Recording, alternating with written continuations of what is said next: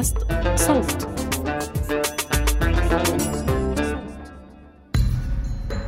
Um, and we just traveled across سافرنا على أريزونا ونيو مكسيكو وبعض الولايات الثانية في جنوب غرب الولايات المتحدة لنصيد وطويط أنواع مختلفة من الوطويط اللي بتعيش فوق براك السباحة في بيوت الناس واللي بتعيش في الكهوف واللي بتعيش في أماكن تانية. الدكتورة كندرا فيلبس الصوت اللي بأول الحلقة خبيرة في الوطاويط كندرا كانت عم تشرح عن محاضرة الجامعة اللي سجلها فيها بالغلط مستشارها الجامعي اللي كان يعطي محاضرة لطلاب الماجستير عن الوطاويط. وهاي الصدفة غيرت حياتها لتصير دكتورة في هذا المجال. تشتغل اليوم كباحثة في مجال الحفاظ على الوطواط وبيئة الوطواط مع التحالف الصحي البيئي EcoHealth Alliance وشبكة غرب آسيا للوطاويط. West Asia Bat Network اللي بتضم دول زي عمان والأردن وغيرهم من دول المنطقة. عمل التحالف بشكل عام بركز على فهم الروابط بين الصحة العامة والبيئة والحيوانات البرية. واليوم رح نحكي عن هذا الموضوع بالتحديد.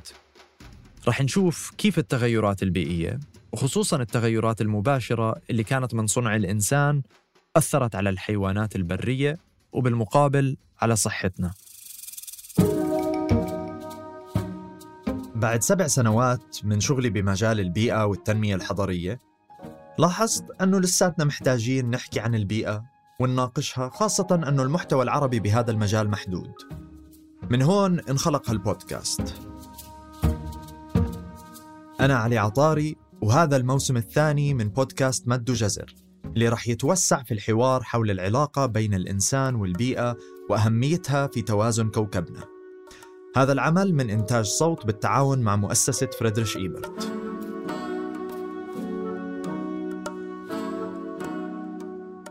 في بداية سنة 2020 سمعنا عن مرض جديد اسمه فيروس كورونا أو كوفيد 19 بدأ بالانتشار بالصين وصرنا نسمع عن هالمرض اللي عم بيعبي مستشفياتهم. كتير دول بلشت تناقش منع السفر من وإلى الصين. عشان التقارير الأولية وضحت أنه مرض معدي وخطير جدا. بس كنت أحضر الأخبار ما كنت متخيل أنه بعد أكثر من سنة ونص نكون لسه عم نتعامل مع تبعات هذا المرض. كوفيد 19 جزء من عائلة فيروسات الكورونا اللي بتضم أمراض تانية مثل متلازمة الالتهاب التنفسي الحاد سارز ومتلازمة الشرق الأوسط التنفسية ميرز وغيرهم من الأمراض الخطيرة. كل هاي الأمراض جزء من فئة اسمها zoonotic diseases أو أمراض حيوانية المنشأ. يعني أمراض تنتقل من الحيوانات للبشر. ومثل ما كتير سمعنا خلال هالفترة مصدر فيروس كورونا المستجد على الأغلب يكون الوطواط. وهذا مش المرض الوحيد اللي هيك طلع عليه حكي. اكتشف فيروس سارس في الصين عام 2002 وكمان مرة في فيتنام وهونغ كونغ في 2003 مثل كوفيد 19 كان سارز معدي جدا وخطير. لكن الفرق كان معدل الوفيات اللي وصل حوالي 10% من الإصابات. لليوم ما في لقاح لمرض سارس لكن اللي صار شوي عجيب ومن حظنا. لأنه خلال أبحاث اللقاح اللي ما وصلت مرحلة بتسمح للاستخدام الإنساني الفيروس اختفى. السبب مش واضح 100% لكن على الأغلب في عدة عوامل منها معدل الموت العالي اللي ما بسمح للمرضى أنهم ينقلوا المرض. وكمان الإجراءات الاحترازية الشديدة في وقتها للبلاد المتأثرة. It's thought to that the virus originated in bats. And what that means is that هو يقال إنه الفيروس بدأ في الوطواط لكن معنى هذا الإشي إنه الفيروس ممكن يكون اتطور لآلاف السنين في الوطواط. وفي كتير من الحالات مع فيروسات الكورونا كان هناك وسيط بيستضيف المرض بعدين بنقله للإنسان. وهذا اللي شفناه مع مرض سارس بين ال 2000 وال 2003 ففي حيوانات انعدت من الوطواط في أسواق اللحوم الرطبة. والناس اللي شرت هاي الحيوانات انعدت منهم. وهذا بيرجع على سلوكيات الإنسان ونشاطاته لأنه أسواق اللحوم الرطبة مش بيئات طبيعية وفيها منشوف التقاء أنواع الحيوانات اللي ما عمرها بتلتقي بالحياة البرية. فإحنا عم نخلق تواصل غير طبيعي بين الحيوانات اللي عم تسمح للأمراض إنها تنتشر بينها وبعدين تنتقل لإلنا. بعد فيروسات سارز وكوفيد 19 أسواق اللحوم الرطبة اللي بالصين تحديداً إجاها انتقاد كبير. وبالمناسبة الأسواق الرطبة تسمية نشأت في هونغ كونغ وبتعني السوق اللي ببيع اللحوم الطازجة والأسماك والمأكولات والمنتوجات الاستهلاكية في بيئة غير بيئة السوبرماركت المتعارف عليه. لكن المهم نعرف أنه هاي الأسواق مش بس موجودة بالصين منلاقيها حول العالم كله. بأفريقيا في كتير دول منلاقي فيها أسواق بتبيع لحوم القطط البرية وأنواع القرود المختلفة وفي دليل كافي بشير لهاي الأسواق على أنها كانت مصدر مرض الإيدز. والمشكلة أنه كتير من هاي الحيوانات بيتم صيدها ونقلها بين البلاد المختلفة أحيانا بشكل غير قانوني وغير مراقب. وهذا ممكن يساهم في انتشار بعض الأمراض بشكل أسرع. وجود هاي الأسواق بتسبب نوع من النظرة السلبية لبعض المجتمعات. لكن كندرا كمان بتحكي أنه بعض الممارسات مثل صيد الغزلان والخنازير البرية اللي منشوفها بكل مكان من أمريكا الشمالية للمنطقة العربية أيضا بتزيد من التواصل بين الإنسان والحياة البرية وبالتالي بتزيد تعرضنا للمرض. ومع أنه هاي الأسواق منلاقي فيها كتير حيوانات نحن مش معتادين على أكلها هي بتوفر مصادر غذاء مهمة لبعض المجتمعات القروية في كتير بلاد. وبدونها ما بيكون في بدائل بتوفر احتياجاتهم. مرض ميرز اللي ذكرناه بأول الحلقة بدأ في المنطقة العربية ويقال أنه مصدره الجمل وزي ما بنعرف في كتير تواصل بيننا وبين الجمال. وحتى الحيوانات الأليفة أحيانا بيطلع فيها أمراض تنتقل للإنسان مثل جنون البقر وإنفلونزا الخنازير. So about 60% of all human infectious diseases حوالي 60% من الأمراض المعدية في الإنسان أصلها من الحيوانات أو مصدر العدوى بيكون حيواني. ومن هال 60% 75% من هاي الأمراض واللي هي نسبة عالية تيجي من الحيوانات البرية مقارنة بالمواشي. كان عندي فضول أعرف ليش هاي الأمراض ما بيكون عندها نفس الأثر في الحيوانات. يعني مثلا ليش ما بنسمع عن انحدار في أعداد الوطاويط في المناطق اللي انتشر فيها فيروس كورونا. فسألت كندرا هذا السؤال. إذا بدنا نفكر على مستوى الوطويط وقدرتهم على التعامل مع الإصابة بفيروس كورونا الفيروس بيسبب أعراض للإنسان. بالمقابل ما بيسبب أي عوارض للحيوان. سبب هذا الإشي إنهم اتطوروا مع بعض لملايين السنين. وهذا سبب تاني إنه كتير ثدييات بيكونوا وسائط جيدة لاستضافة الفيروس. لأنهم اتطوروا مع بعض لمدة طويلة فقدروا إنهم يبنوا مناعتهم لدرجة إنهم بنصابوا بدون ما تظهر عليهم أي أعراض. بس لما ينتشر المرض للإنسان وهو إشي جديد تماماً عليه وعلى جهاز المناعة بالإضافة إلى أنه الإنسان بيحاول يعيش في بيئة كتير معقمة.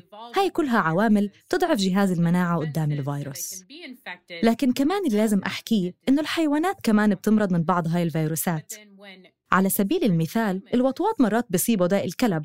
و30% من الوطويط اللي بنصابوا بالمرض بيموتوا.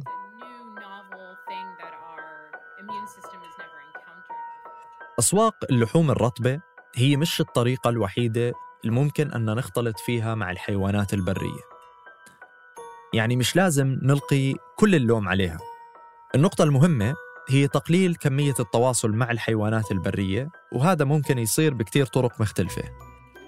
وزي ما حكت كندرا مرات التواصل ما بيتم بشكل مباشر وممكن يكون من خلال حيوانات تانية إحنا ممكن نعيش معها ونربيها أو ناكلها.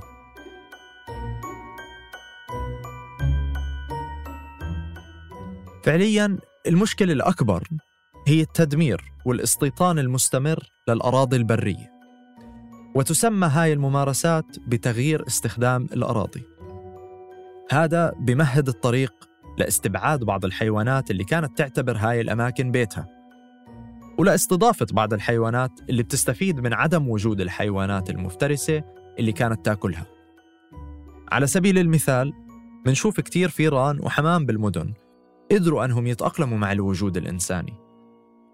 هاي الحيوانات طبعا ممكن تكون مصادر للأمراض المعدية وبنفس الوقت التوسع بيقربنا من بيئات جديدة فيها حيوانات ما كنا تاريخيا نتعرض لها كتير مثل الوطواط. في مثال آخر الزراعة ممكن يكون لها نظرة إيجابية عند كتير ناس خصوصا بس نكون نحكي عن البيئة لأنه دائما بنحكي عن أهمية الأشجار والنباتات في صحة البيئة ونظافة الهواء. لكن الزراعة اللي بتوفر لنا كتير من الغذاء اللي بنشتريه وبنشوفه بالأسواق كمان إلها أثر سلبي على البيئة وحتى على انتشار الأمراض. يعني بس نستبدل غابات العالم اللي فيها ثروة حيوانية ونباتية وتنوع حيوي هائل لمزرعة ذرة أو قصب سكر أو قمح منكون سلبنا آلاف الكائنات من بيتها وسلبنا هذا الكوكب من مصادر مهمة للخدمات البيئية. كتير منها مهمة إلنا كمان. من أكثر الأشياء اللي بنعرف إنها بتساهم في انتشار الأمراض الحيوانية للإنسان هو تغيير استخدامات الأراضي. وهذا بيصير بس يقوم الإنسان بتعديل مصطنع للمناطق الطبيعية زي تحويل الأراضي الزراعية لمدن هذا فعلياً واحد من العوامل الأساسية لأنه كتير عم بحط الناس وتحديداً الناس اللي في المناطق الريفية وعلى أطراف المناطق الحضرية والغابات عم بحطهم بالقرب من الحياة البرية. منلاقي أنه نفس الأشياء اللي حذرنا منها بكتير حلقات مختلفة مثل التوسع الغير مضبوط للمدن تقطيع الأشجار والغابات الطبيعية والتدخل في التوازن البيئي بشكل عام في البرية. نفس هاي الأشياء تخلق اضطرابات مناخية بشكل مباشر وبنفس الوقت بتزيد نسبة انتقال الأمراض من الحيوانات للإنسان. المهم نلتفت له كمان واللي لازم يسبب نوع من القلق للمجتمع العالمي أنه كل هالمشاكل مترابطة بشكل أو بآخر. التدهور البيئي والتلوث بيساهموا في انبعاثات الغازات الدفيئة اللي بتسبب التغير المناخي. والتغير المناخي بنفس الوقت بيزيد من درجات الحرارة وبيهدد بعض الكائنات بالانقراض وبيغير البيئة اللي تأقلموا عليها كتير حيوانات ونباتات. هذا مرات بيزيد انتشار بعض الأمراض والفيروسات لأنه التغيرات هاي بتوفر بيئة خصبة للمرض. ذكرت كندرا بالمقابلة إشي تاني لفت انتباهي. الحيوانات زي الإنسان بس يكونوا تحت ضغط عالي مناعتهم تنزل. هذا الإشي منشوفه بالناس وأيضا موجود بالحيوانات. بس نكون عم نغير بيئة الحيوانات بشكل مستمر وعم نضغطهم ومنصيدهم ومنصعب حياتهم. نسبة أنهم يمرضوا بتزيد. وبس نكون قريبين منهم كمان نسبة أنه نحن نلقط بعض هاي الأمراض بتزيد. يعني في علاقة مباشرة بيننا وبين الحيوانات والنباتات وبيئتنا. جزء كبير من رسالة ال EcoHealth Alliance هي عبارة One Health صحة واحدة واللي بتحاول تربط بين هالأشياء. Yeah, so the phrase One Health um, was actually أول من صاغ عبارة One Health هو رئيس EcoHealth Alliance الدكتور ويليام كارش. وهي فعليا أساس المعرفة الموجودة حول علاقة صحتنا مع صحة البيئة اللي منعيش فيها واللي منشاركها مع الحيوانات. وهذا طبعا بيشمل المواشي والدواجن والحيوانات الأليفة مثل الكلاب والقطط وكمان الحيوانات البرية. فمهم جدا إن نفهم إنه صحتنا مربوطة بصحة كوكبنا وكل شيء عليه ومن ضمنهم الحيوانات. هذا الحكي مهم جدا لأني بحس الناس بيعزلوا هاي الأمور عن بعض. يعني الناس بتروح على دكاترة بشر والحيوانات على البيطري والبيئة متروكة بس للمتخصصين بالبيئة. لازم نصير نشتغل مع بعض عشان نحل القضايا اللي بتواجهنا تماما مثل الوباء الحالي. ما بنقدر نعالج الأمراض البشرية زي كوفيد 19 بدون ما نفهم كيف هذا المرض إجا وشو الحيوانات البرية اللي إجا منها وشو الأوضاع البيئية اللي سمحت لها الانتقال يصير. عم بيصير عنا وباء بعد وباء بعد وباء. بآخر عشرين سنة بس كان في مجموعة كبيرة من الأوبئة والوقت بين كل واحد وواحد عم بقل أكتر وأكتر. اليوم عم نشهد زيادة في الأحداث المناخية المتطرفة مثل الأمطار الغزيرة أو موجات الحر والجفاف والذوبان الجليدي. وهاي كلها إشارات أنه العالم عم بتجه لواقع مختلف ومؤلم. هاي الإشارات كلها عم تحكي لنا أنه لازم نغير من أساليبنا ونقلل من تلويث الهواء والمحيطات ونقلل من نفاياتنا. الأوبئة وزيادة الأمراض هي واحدة من هالإشارات. فيروس كورونا قلب العالم كله ولأول مرة في التاريخ العالم بأكمله توقف. وبس توقف العالم صاروا الناس يلاحظوا أنه والله الهواء نظف شوي وكميات التلوث قلت. طبعا اليوم رجعنا وين ما كنا وأسوأ بس منضل نطمح لمستقبل أحسن إلنا وللكوكب اللي انولدنا عليه.